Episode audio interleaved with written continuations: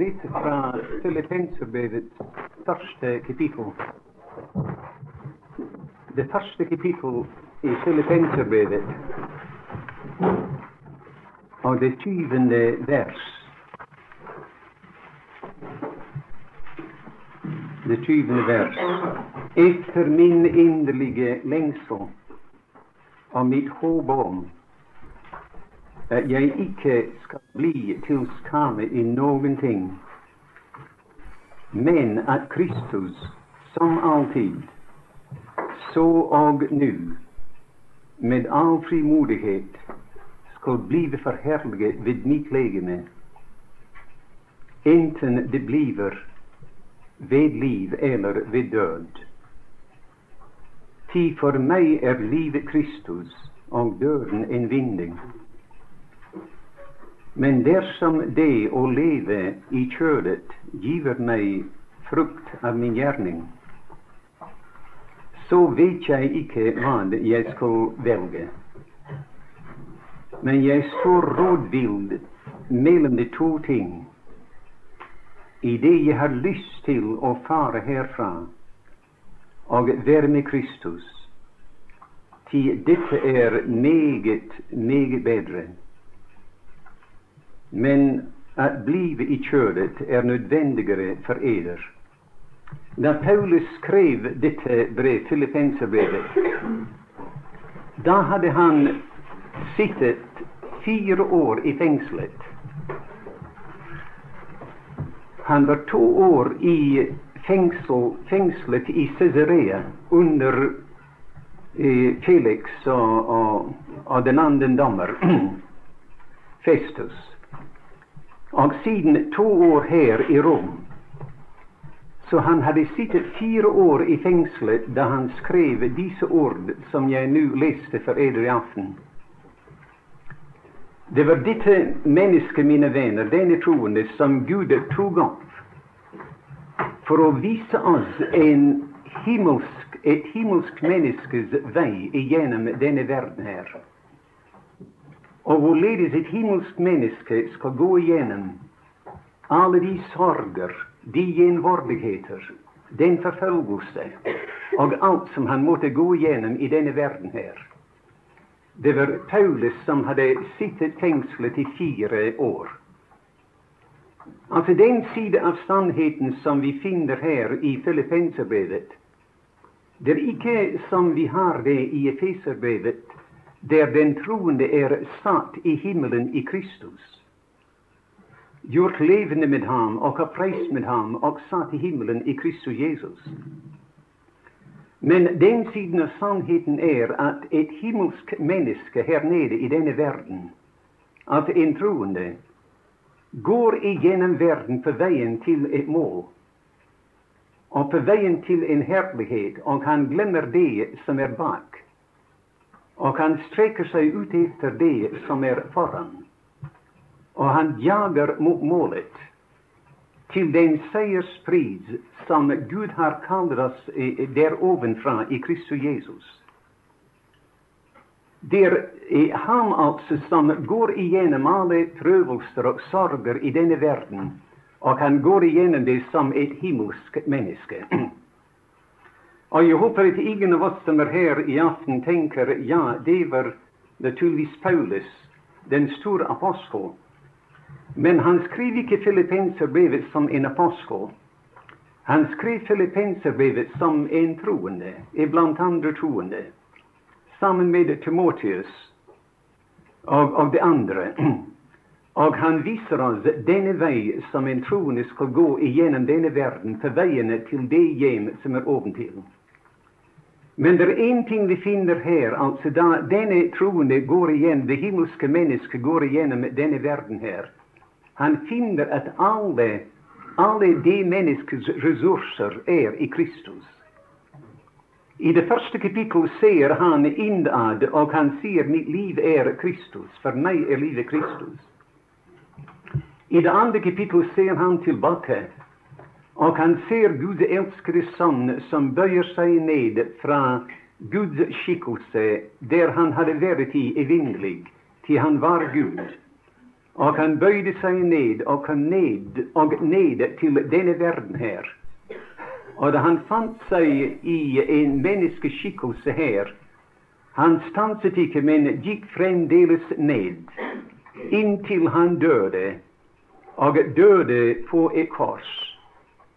Og apostelen sier, som han ser tilbake til dette velsignede mennesket, som vi har ham fremstilt i de fire evangelier, det er mitt forbilde. Og siden i det tredje kapittel ser han fremover, og han sier han er mitt mål, det mål som jeg løper til. Som jeg allerede har sitert, at jeg glemmer det som er bak, og jeg strekker meg ut etter det som er foran. Jeg jager mot målet, til den seierspris som Gud har kalt oss der oventil, der ovenfra i Kristus Jesus. I det tredje kapittel er han hans mål og hans håp, til han venter Guds sønn fra himmelen som frelser. Han som skal forvandle våre fornedrelseslegemer og gjøre dem like med hans herlighetslegeme, og føre oss inn i selve herligheten. Og da er det tredje kapittel han ser oppover, opp til himmelen, og han sier 'Jeg kan gjøre alt ved ham som gjør meg sterk'. Og det er, mine venner, noe som du og jeg kanskje, de fleste av her i aften, det er kanskje det vi kjenner minst til. At vi kan gjøre kanskje meget som vi går igjennom denne verden. Men å si f.eks. at jeg er tilfreds i alle mine omstendigheter Jeg er tilfreds om jeg ikke eier noen penger i lommen. Jeg er tilfreds om jeg må gå gjennom verden uh, hungrig og sulten. Og jeg kan være naturligvis glad og tilfreds når jeg har det en overflod. Men jeg er tilfreds i alle mine omstendigheter, sier han. Jeg kan gjøre alt ved Han som gjør meg sterk. Så hva enten vi ser innad eller tilbake, eller fremover eller oppover Kristus er vår, vår ressurs. Han er alt og i alle for dette mennesket. Det mennesket som lever et himmelsk liv her nede. Og det er det jeg leste disse vers fordi at Filippenserbrevet er det eneste brev der apostelen forteller oss hva det er han har lyst til. Altså et himmelsk menneskes lengsler og det han har lyst til. Dere, jeg kjenner ikke et menneske, jeg kjenner ikke meg på grunn av det jeg sier. Jeg, jeg, kunne stå her, eller noen kunne stå her og tale meget. Man kan ikke lære et menneske å kjenne ved det han sier. Men om jeg kjente de lengsler som ligger skjult i hjertet mitt, da kunne jeg si nå kjenner vi ham. Til nå vet vi hva det er han lengter etter. Vi kjenner hans indre lengsler.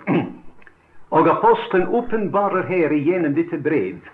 Jeg antar jeg har prøvd somme tider å regne opp hvor mange av hans lengsler er uttalt i brevet. Det er kanskje en, en syv eller åtte eller flere lengsler uttrykt gjennom dette brevet her. Og den første av dem var det som vi leste i dette tyvende vers i det første kapittel.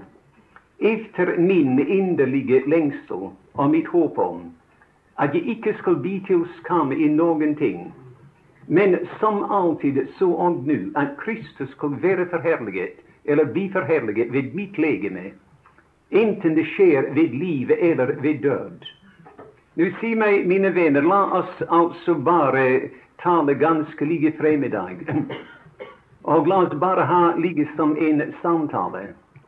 Og spørsmålet som jeg skal stille frem for dere, jeg stiller frem for den også som taler. Altså, hva skulle vi ha gjort hadde vi vært i hans omstendigheter? Hva skulle vi ha sagt altså hadde vi sittet fire år i et fengsel, og noen hadde kommet inn til oss og spurt nå hva er det du har lyst til, og hva er det du sitter her og du lenger etter? Du og jeg er ikke i noe fengsel, men somme tider er våre omstendigheter vår fengsel. Vår fengsel.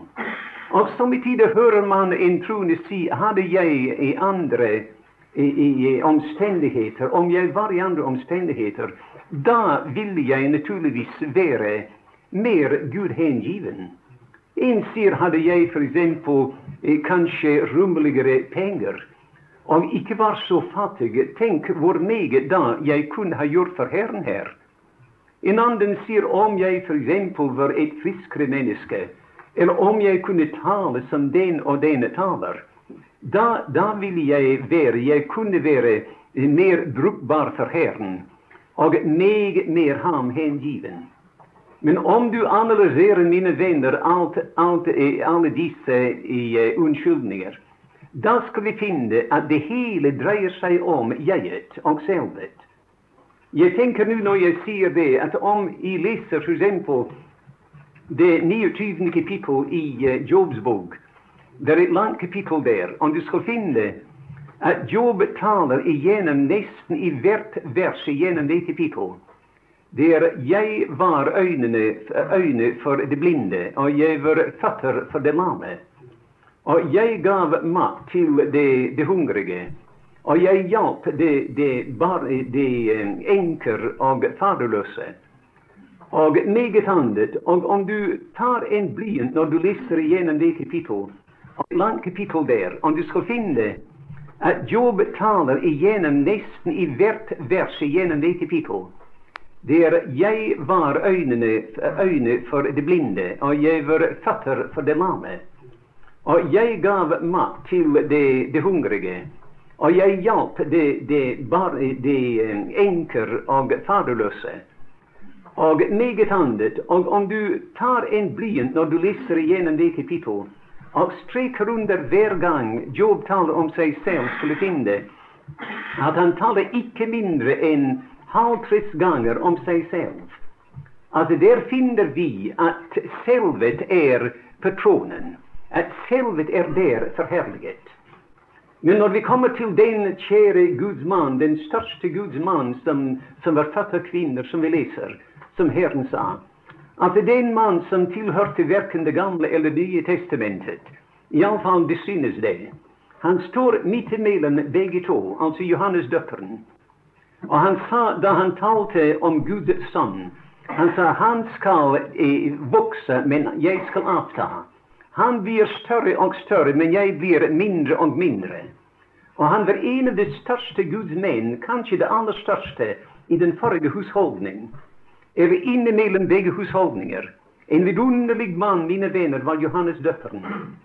Han kom her, og han kom her for å peke på Guds sønn og si se der Guds lam som bærer verdens synd.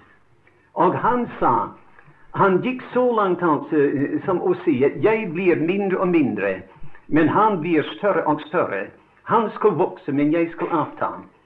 Men når vi kommer til dette vers her, som vi leste i det, det 20. vers, her finner vi at selvet er aldeles borte. Her er en mann, mine venner, som sitter der i fengsel. Og han sier, 'Jeg ønsker ikke mine omstendigheter forandret'.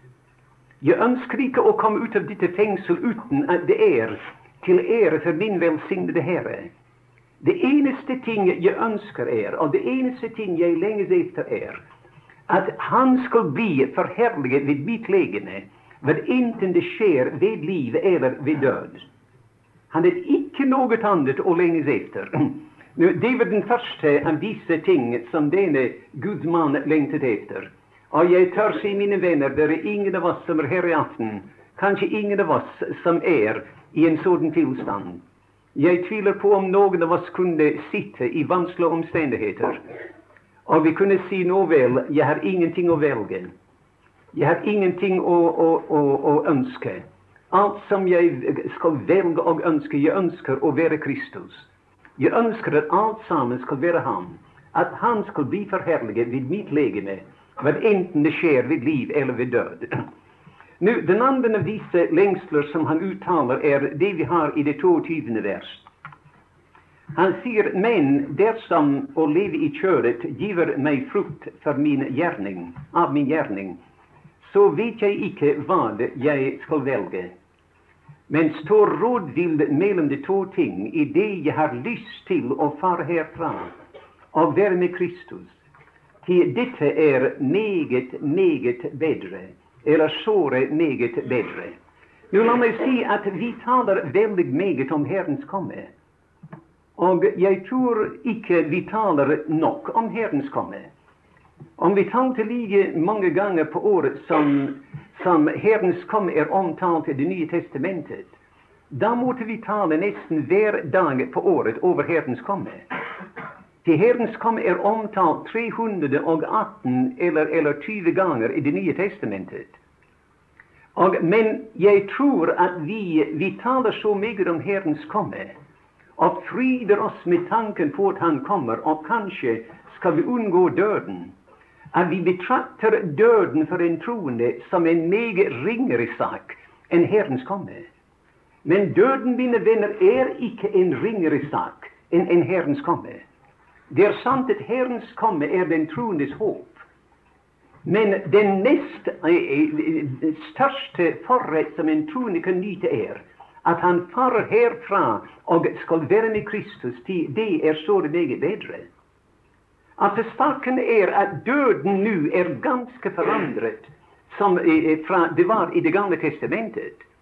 Du husker denne Guds mann Esekias da han fikk bud om at han skulle eh, fare herfra, at han skulle dø.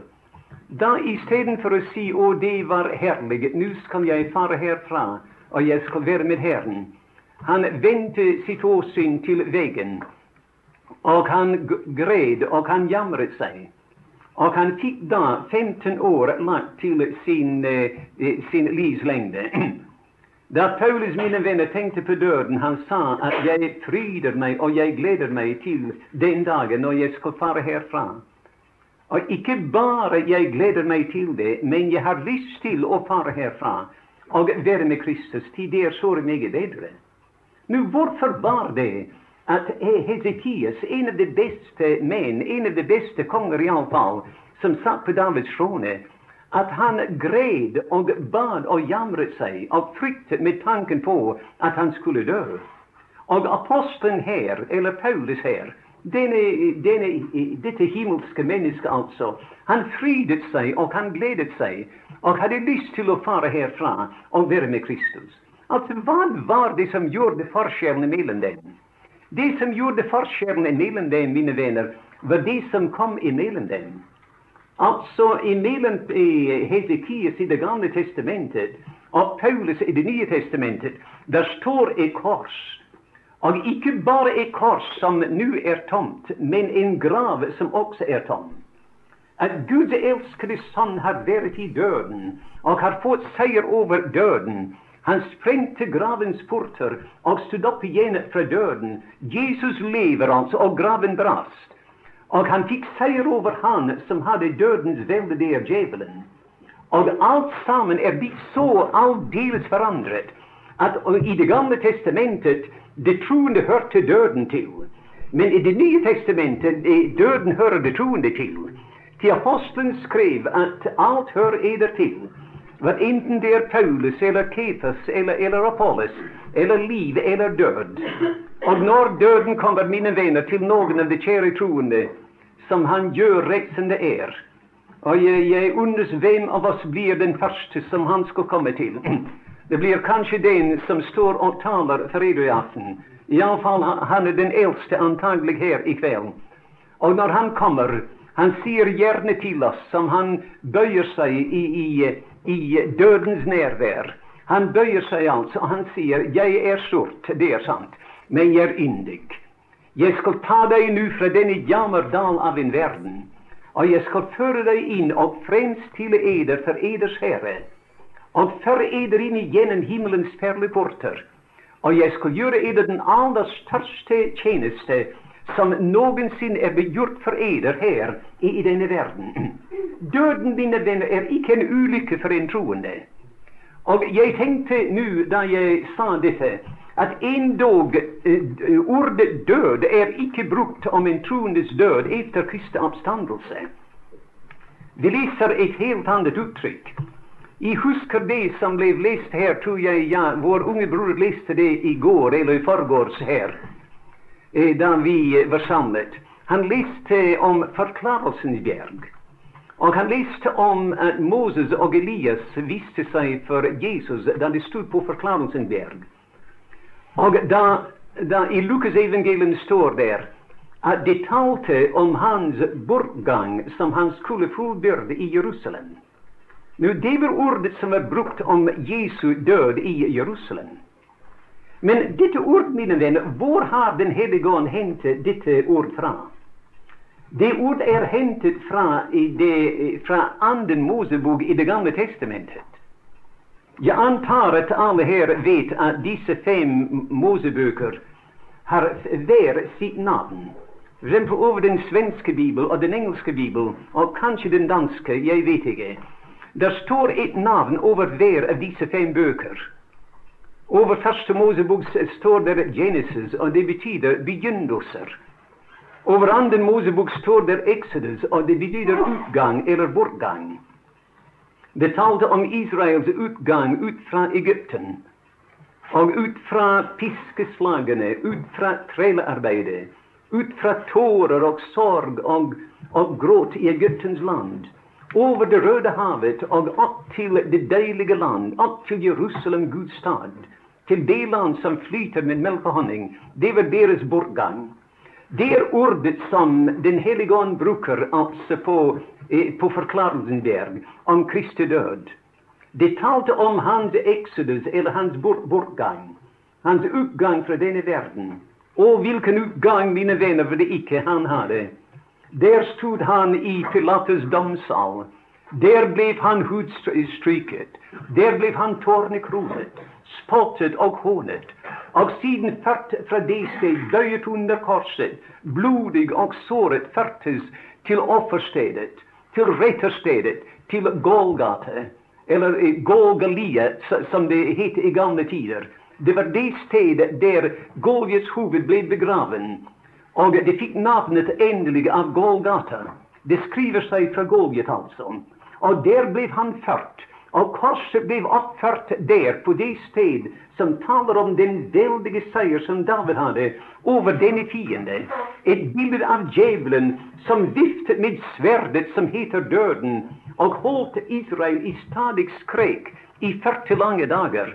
Og der, mine venner, fra Golgata gikk han gjennom graven, opp fra oljebjerget, og for opp til himmelen. Jeg tenker ofte som Gud elskede sønn for opp. Der kastet han et blikk til Golgata, og der lå det tomme kors. Hans øyne falt kanskje på graven, Josefs avarmeteers grav, som nå er, er tom. Og siden så han på Pilates domsal, på Jerusalem som han gred over så mange ganger. Og han for opp til Guds høyre hånd. Det var hans bortgang, som han skulle fullbyrde i Jerusalem. Og da Peter skrev om sin død, han bruker akkurat det samme ord. Han sa at jeg etter min bortgang jeg skal huske disse ting som jeg har talt til dere. Den kjære apostelen som skrev dette brev her, han skrev til Timotius, og han bruker et ord som er nesten det samme. Han sa til Timotius, du Timotius, i det siste kapittel som han skrev i denne verden, han sa nå tiden for min bortgang er for hånden. Han sa til Mortius det er ikke langt til veien her i lille, i, i, det lille værelset jeg er i nå. Det er ikke høyt til taket i dette fengsel. Her sitter jeg, men Timotius, sier han, jeg kan se opp igjennom taket her. Jeg ser helt opp til Guds trone. Og der ser jeg en krone, en krans som ligger ferdig for meg. Rettferdighetens krans, som han skal give meg på hin dag. Og da kanskje sitter vi her i dag, de fleste av oss, og vi tenker ja, det, det var vidunderlig for apostelen Paulus. Tenk, han kunne se det, en krans ferdig for seg. Han kunne si jeg har, jeg har fullendt løpet, jeg har stritt den gode strid, fullendt løpet og bevaret troen, og derfor ligger kransen for meg. Men ikke bare for meg, sier han, men for alle dem, alle dem, mine venner, som vant. Alle dem som er veldige gudstjenere? nei. Alle dem som har gjort veldige gjerninger for Herren her nede? Nei. Alle dem som er meget begavet? Nei, han skrev ikke det. Men han sier at den krans ligger ferdig for meg. Og ikke bare for meg, men for alle dem som har elsket hans åpenbarelse. Ikke bare hans komme, mine venner, for å hente oss til seg, men hans åpenbarelse.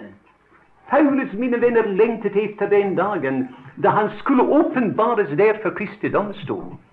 Og jeg, mine venner, for min part, jeg er ikke en Paulus, men for min del vil jeg ikke gjerne begynne evigheten og inn i evigheten og gå der årtusen etter årtusen og ikke vite hva min Herre mente om mitt liv her nede. Jeg ville alltid, Tanken tror jeg ville alltid komme til meg hva mon min Herre tenkte om meg da jeg var nede i verden. Men den dagen skal komme når alt skal åpenbares. Og apostelen sier 'jeg elsker den dagen, og jeg lengter etter den'. Og han sier denne krans skal gives ikke alene til meg, men til alle dem som har elsket hans åpenbarelse. Jeg håper, mine venner, vi alle sammen, når den dagen kommer, skal ha en krans trykket på disse, disse hoder. Jeg håper vi skal ha det. Det er en krone som alle de troende skal ha. Vi leser om den skare av troende i det fjerde kapittel i åpenbaringen. Og alle sammen av dem var kronet. Og som de satt der rundt om hans trone, og han ble åpenbart for dem. Hva gjorde de med disse kroner?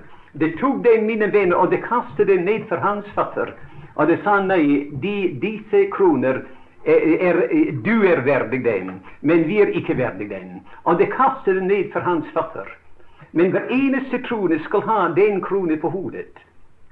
Og jeg håper vi skal vinne, mine venner, både stjerner og kroner som vi synger om, og belønninger. Ikke fordi vi gjerne ville være noe der i det herlige riket bare. Men jeg håper det i forhold til at vi binder disse kranser og kroner. I det samme forhold har vi forherliget ham her nede i denne verden. Nå vel, Det var det apostelen da lengtet etter her. Han sier 'jeg ønsker å fare herfra'. Og siden i det vers som jeg nå har sitert, han sier til Demotius at nå er tiden for min bortgang for hånden. Endelig har jeg fått det som jeg lengtet etter. Om en liten stund Timotius skal føre meg ut. Og det skal føre meg ut der til blodig Nerus blokk. Og jeg blir halshugget. Men da skal jeg fare herfra. Jeg skal være i hans nærværelse. Tiden for min bortgang er for hånden. Man må bare bemerke det uttrykk der bortgang er et, en sjømannsuttrykk. Båten ligger f.eks. i havnen og er fortøyet der i et fremmed havn. En fremmed havn. Og han venter. De lengter og venter etter å komme til hjemlandet. Og det blir samtidig utålmodig som det ligger der. Enda blir den ene tau kastet på dekket. Det andre blir kastet på dekket. Det er bare et eneste tau tilbake. Det var slik med Paulus den gangen. Det vil vi synger i disse deilige sanger om at snart skal vi komme i havnen, og snart skal vi hvile der i havnen. Men et skip, mine venner, er ikke bygget for å ligge i en havn. Et skip er bygget for å seile i det mektige hav og det mektige sjøer. Og det er det som Paulus sa. Nå ligger jeg i havnen her. Jeg er fortøyet her. Men om en liten stund skal tiden for min bortgang er for hånden. Og snart skal min siste tau bli kastet på dekket. Og da skulle jeg fare herfra. Og jeg skulle være med Kristus, som han sier i dette vers, til det er meget, meget bedre. Det var to av disse lengsler. Og når vi tenker på dem Jeg skulle si det, mine venner, det er ingen av oss som er her i aften, kanskje som, er, eh, som kan måles med det her. Det er få av oss her i kveld som kan sitte i en hvilken som helst omstendighet og si jeg ønsker ingenting annet enn at Kristus blir forherliget i mitt legeme hva enten det skjer ved liv eller ved død.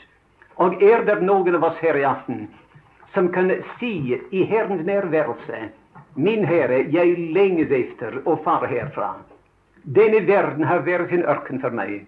Denne verden har vært altså full av sorg, en tåredal for meg. Og jeg ønsker å fare herfra og være med deg til det er såre meget bedre.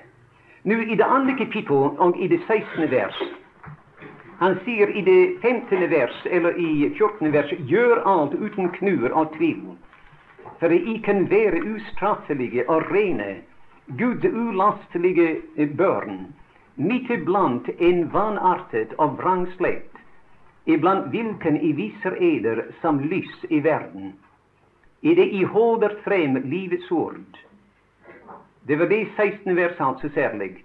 I det I holder frem livets ord til ros for meg for Kristi dag. At Kristi dag, som han hentyder til, er Kristi domstol. Den dag når Kristus skal endelig være på tronen, og du og jeg skal regjere med ham i det herlige riket.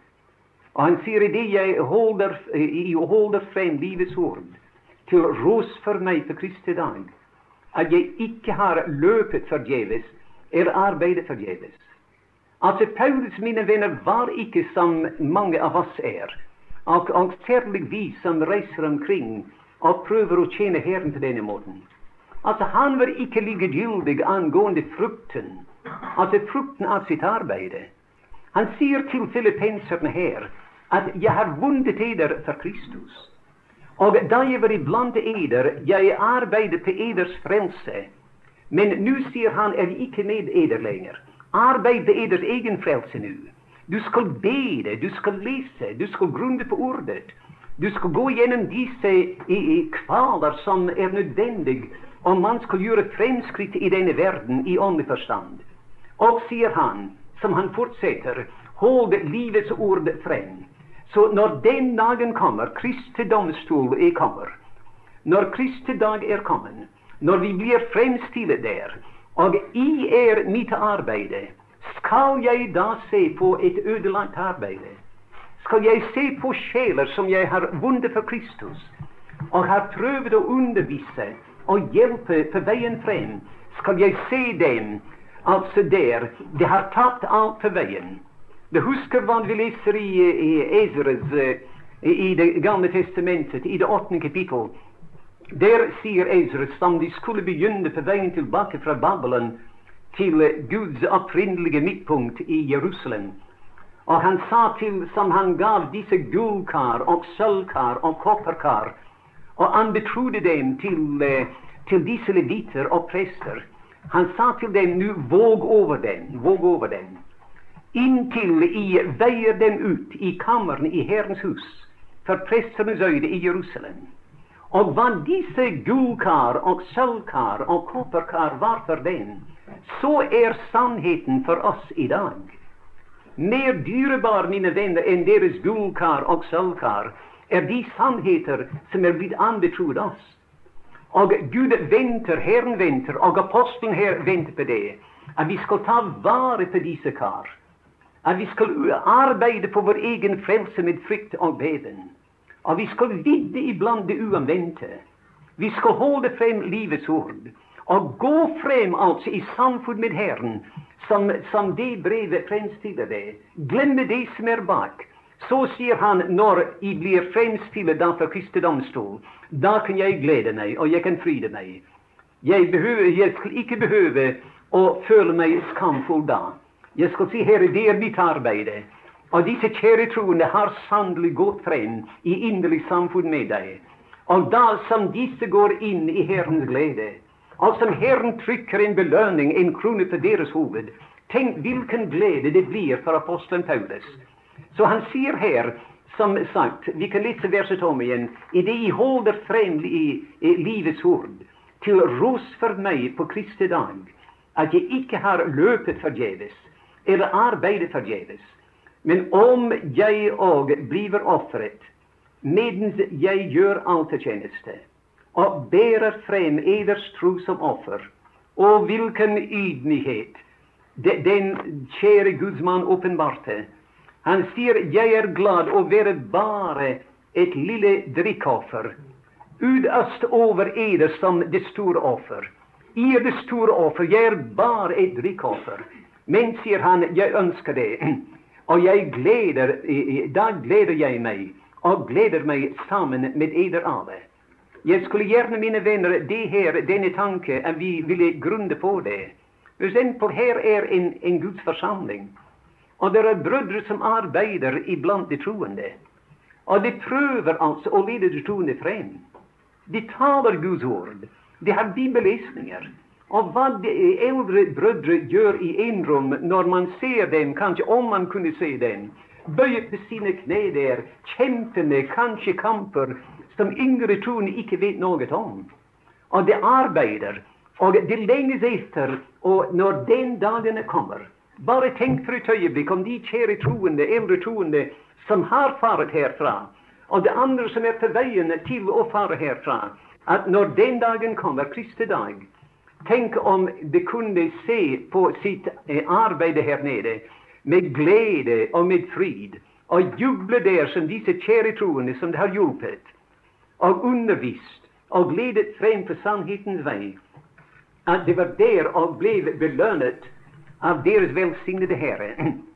Gud hjelpe oss, mine venner, til å overveie eh, disse tanker i lyset av Kristi. Nå, Det er bare et par-tre vers til i det tredje kapittelet.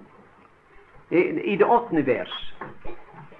Ja, jeg akter òg i sannhet altfor tapt, fordi kunnskapen om Kristus Jesus, min Herre, er så meget mere verd. Han for viss skyld jeg har litt tapt på alt, og jeg akter det for skaren, for at jeg kan vinne Kristus eller som vi kunne lese det, at det for skaren for at jeg kan ha Kristus som vinding. Jeg spør meg selv somme tider når jeg sitter og tenker, eller når jeg går på veien. Jeg spør meg selv altså hva er det som jeg virkelig akter for vinding her i, i dette liv? Hva er det som jeg betrakter som min største vinding? Og jeg håper, mine venner, jeg alltid kan besvare det spørsmål noenlunde som apostelen Paulus her sa, svarte det. At som jeg tenker, mine venner, på alt som er her nede i denne verden Det er ikke verd, mine venner, det er ingenting her i denne verden som er verd å ha, mer enn å bruke det i forbigående. Vi skal snart etterla alt sammen som vi har her. Se f.eks. vi atter eh, eiendom eller penger eller disse ting som vår vinning. Nå vel, der kommer en dag når vi skal etterla alt sammen bak oss. Og vi skal gå ifra det hele. Men tenk, mine venner, om hver eneste lille grann av Kristus som vi lærer. Hver lille grann av ham vi lærer altså praktisk talt. Jeg mener ikke bare hva kunnskap angår. Det må være kunnskap først. Apostel, eller Jakob sier i sitt brev han sier ta imot med eh, saktmodighet det ordet som er innplantet. Det er på den måten vi skal ta imot det. Se f.eks. at vi kommer på møtene, altså søndag etter søndag og møte etter møte. Og i går fra møtet og sier det var noe nytt allikevel. Det har jeg ikke lagt merke til før. Og det var enda mer jeg har lært. Og nå har jeg lært det, og nå er jeg glad. Men du har ikke lært det, mine venner. Du har fått det, altså det ordet er innplantet. Men nå må det arbeides på. Nå må det utarbeides. Vi skal ta imot det med saktmodighet. Om vi planter f.eks. et epletre, vi kan ikke si nå er det plantet, nå er alt sammen ordnet. Det er plantet, altså. Men om det ikke blir for får vann og, og gjødning og, og slike ting, nå vel, da blir det ikke megen frukt. Og på samme måte vi tar imot med saktmodighet det ord som er innplantet. Saktmodighet betyr kraft, altså. Saktmodighet er ikke svakhet. Moses var den saktmodigste mannen i verden. Den saktmodigste mann som hadde levet. Men se ham der som han stod foran eh, eh, eh farao. Og farao gav, eh, gav, seg og gav seg mer og mer. Gå i som er menn. Nei, sier han. Vi går, han går alle sammen. Nu vel, gå menn og kvinner, men la børnene være. Nei, vi går alle sammen, sier han. Nu vel, gå alle sammen da, men la, la kveget bli tilbake. Nei, ikke en klov skal være tilbake. Han stod der altså, urokkelig og ubøyelig. Det var en saktmodig mann, mine venner. En mann som ikke gir avkall på så mye på, på sannheten, av sannheten. En mann som står der på sannhetens grunn og ikke ville råkes. Det er sannmodighet. Og det er på den måten vi tar imot ordet. Ta imot ordet eh, med sannmodighet, sier det innplantet ord. Det er innplantet. Vi har lært det å kjenne det. Men da er det vi trenger da, er å gå hjem og komme i enrom og bøye våre kne der og be det og gå og kjempe der. Hvorfor, mine venner? Å få det bedre å kjenne, ikke bare det, men å kjempe der i bønn til Gud, inntil det vi har fått som kunnskap, blir en erfaring i våre hjerter. Og da skal vi kunne si nå har jeg inntatt det stykket land. Vi har tatt inn den delen av landet som Herren har givet oss. Satt troens fot på det. Nå vil apostelen da sa hver eneste del av Kristus som jeg eh, eh, lærer, hver, hver åpenbarelse av ham som jeg lærer, altså det der er min vinning. Og vi, vi, man kunne gå gjennom brevene og se hvordan apostelen hvordan han vokser. Jeg tenkte i går, jeg tror nesten jeg nevnte det et eller annet sted, men for 14 eh, år tidligere, altså, da han var illustre den gangen, og de, ene, det ene øyeblikk de ville tilbede han og Silas som, som, eh, som guder. Det neste øyeblikk stenet de ham. Du vet, verden den ene gangen råper de Hosiana, og den neste dag ropte de korsfest. Og det var så med Paulus. Og de stenet ham og drog ham ut av staden. De, de, de trodde han var død. Og han var antagelig død. Og da sa han, 14 år etterpå Han hadde hatt en sånn opplevelse at han tør ikke tale om det. Det, er, mine venner, hellige stunder som vi har, som vi neppe kan tale om for noen annen. Paulus hentyder til det da han skrev i uh, det femte kapittel i andre Korintier. Han sier der at når vi er hos eder, da er vi ved sans og samling. Men når vi er hos Gud, da er vi utenom oss selv. Og vi oppfører oss da på en måte vi ikke kunne gjøre om vi var midt iblant heder. Nå vel, 14 år etterpå, da sier Paulus nå kan jeg tale om det som jeg opplevde for 14 år siden. Han sier den gangen, sier han, jeg ble rykket inn i den tredje himmel. Jeg ble rykket inn i paradis. Og så vidunderlig var den opplevelse, sa han, at jeg vet ikke engang om jeg var i legemet eller utenfor legemet. Det er mange av disse falske retninger som forteller oss at uh, vi må ligge døde i en grav, både ånd, sjel og legeme. Mennesket kan ikke nyte noen ting om han ikke har legemet. Paulus sier 'jeg vet ikke hva det ble med legeme'. Og jeg skal vite, mine, mine venner, vi behøver ikke legemet for å nyte disse ting. Om jeg var i legemet eller utenfor legemet, vet jeg ikke. Og det er ingen, mine venner, av de troende jeg mener hva sjelen angår, som sover i graven. Legemet ligger der, som vi hørte i dag. Det er hensovet ved Kristus. Og ligger der og skal hvile der inntil oppstandelsen. Men mennesket er ikke der. Apostelen skrev til eh, efeserne i det tredje kapittel han sier, 'Jeg bøyer mine kne for som er den rette Fader, som alt som kalles børn i himmelen og på jorden.' Så Guds børn er enten i himmelen eller på jorden. Det er ingen av dem graven. Det vel Paulus sier da jeg ble rykket inn i den tredje himmel. Og jeg vet ikke hva det ble av mitt legeme. Jeg vet ikke om jeg var død eller levende. Men, sier han, jeg var der. Jeg var der. Mitt legeme altså var ikke nødvendig for at jeg skulle oppleve disse vidunderlige ting. Mine venner, det var hans opplevelse den gangen. Gud hjelpe oss alle sammen, eh, vi som er her i aften, til å, å tenke som apostelen tenkte. Han sier 'Kristus var min vinning'. Og da han opplevde det, hvilke herlige åpenbarelser fikk han ikke da han var der oppe?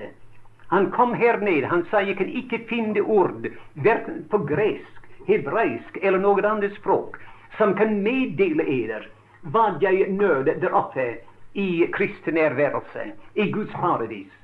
Men jeg er sikker på at disse ting er ikke godtatt. Disse ting, mine venner, vi kan finne igjennom f.eks. Efeserbrevet, et ord som er brukt flere ganger der, tre ganger, overvettes. Og han bruker slike, slike uttrykk, altså, det er aldeles som om ordene bevede under tyngden av de sannheter som hviler på dem. Han prøver å meddele oss altså hva det var han opplevde der. Kristus da var hans vinding. Det var en annen av hans lengsler. Jeg ønsker ikke, sier han, min vinding er ikke penger, ikke venner, ikke berøm, ikke, ikke storhet eller noe slikt. Men det eneste som jeg akter for vinding er, er Kristus, og bare Kristus. Nå les det neste vers. Og finnes i ham ikke med min rettferdighet, den som er av loven, men med den som, eh, som fås ved troen på Kristus, rettferdigheten av Gud på grunn av troen. Altså Med andre ord, det var som om Paulus her det vet i kapittelet han forteller oss om hvor hellig, hvor rettferdig, altså etter loven han hadde vært. Han var fullkommen etter loven. Paul, det har aldri vært en mer fullkommen mann. Aldri hadde noe menneske kommet så høyt opp på religions og egen rettferdighetsstige som Paulus. Helt langt, langt oppe til, til topps. Men da ser han tilbake og roper til alle dem som kommer etter seg. Og han sier til dem, kom ikke lenger, jeg har vært til toppen. Og det fins ikke noen vei her inn i himmelen av denne stigen. Og her sier han, når han kommer til dette verset jeg leste, han sier, jeg ønsker, sier han, at når den dagen kommer, og jeg står der, at ikke såpass meget av min egen rettferdighet skal kunne trenge seg inn. Jeg ønsker alt sammen glemt, sier han. Det eneste jeg ønsker, er at, at Kristus selv skal være min rettferdighet. Rettferdigheten av troen på Jesus Kristus. Rettferdigheten av Gud ved troen på Jesus Kristus. Nå, jeg, jeg er ferdig når jeg leser det andre vers her. Det er iallfall en, en fem av disse lengsler som fylte hans sjel. Og i det tiende vers sier han så jeg kan få kjenne ham og kraften av hans oppstandelse og samfunnet med hans lidelser, idet jeg blir gjort lik, gjort lik med ham i hans død, om jeg dog kan vinne frem til oppstandelsen fra det døde og sier disse kjære, disse venner, som mener at en troende kan allikevel gå fortapt. De bruker dette lille verset her. Endog Paulus, sier de, var ganske uviss. Og han var ikke riktig sikker på om han ville vinne frem til oppstandelsen fra det døde. Men å, tenk, mine venner, å tilskrive, tilregne denne vidunderlige Guds mann den største Guds mann som har vandret her i denne verden, og å tilregne ham, tilskrive ham en sånn tanke. At denne velsignede frelser som han kjente så godt, og hadde gått igjennom slike lidelser for i denne verden, og å si at denne frelser kan, eh, kan la meg eh, gå gjennom fingrene. Han kan la meg falle og, og gå til helvete. Altså, tanken er så fryktelig at man er nesten redd å, å tale det. Det var ikke apostelens tanke, mine venner. Men apostelens tanke her var nemlig dette. Han sier at jeg må kjenne ham. Altså hele mitt, mitt indre lengsel, hele mitt hjertelengsel er å kjenne denne velsignede Herre Jesus. Og å vandre her og ha samfunn med hans lidelser. Og kjenne til kraften av hans oppstandelse. Men, sier han, hvor er han? Han er i herligheten. Og hvordan kom han der? Han kom der gjennom lidelser og død og siden oppstandelse. Nå vel, sier han, jeg ønsker å gå den veien. Jeg ønsker å gå det akkurat den samme vei som han gikk. Jeg vet at Herrens komme er vårt håp. Jeg vet at vi venter her på den dagen når Guds sønn skal komme ned fra himmelen. Men, sier han, jeg ønsker å skynde meg og gå gjennom døden før han kommer. For jeg kan smake alt som smakes kan og følge ham hele den veien, lidelser og sorg. Jeg må få kjenne ham. Og kraften av hans oppstandelse. Og hvilken kraft, mine venner! Den kraft som løftet en hel menighet fra denne verden, fra dødens og overtredelses grav, og sette den der for sin egen trone i herligheten. Det er kraften av hans oppstandelse. Kraften av hans oppstandelse, mine venner, er disse millioner som allerede er frelst her i verden og på veien gjennom verden. Jeg må kjenne ham og kraften av hans oppstandelse og samfunnet med hans lidelser. For jeg kan gjøres lik med ham i hans død, altså martyrdød. Og dø, altså, like som han led De første tre timer han hang der på korset. Og si, siden sier han jeg kan vinne frem til oppstandelsen fra de døde. Om sett f.eks. at Herren kom, mine venner, i dag, at han kom kanskje før vi la oss i aften, eller kanskje i natt, eller så, medan vi ligger og sover. Ingen av oss ville få del i oppstandelsen fra de døde. Ikke en av oss. Og hvorfor det? Fordi vi ikke var døde. Vi er iblant det levende. Altså det levende som ville være her inntil han kom. Men her var en mann, altså. Og han, han så brente ut av lengsel etter Kristus. Kristus selv var alt og i alt for hans hjerte. Det var intet annet, mine, mine venner. Og han brente slik etter ham i herligheten. Der sitter han, og jeg er her nede. Mitt hjerte er der, men mine fatter er her. Og mitt hjerte brenner etter å komme der, til der han er. Men hvordan kom denne velsignede personen der, som har så fengslet mitt hjerte, og overvelder meg dag etter dag? Og, sier han, han gikk den veien, altså igjennom lidelser, igjennom sorger, og igjennom døden, og siden gjennom oppstandelsen, opp til den herlighet der han er nå. Og høre Faderen si til ham, Sett deg, min sønn, ved min høyre hånd inntil jeg gjør dine fiender til skam for dine fatter.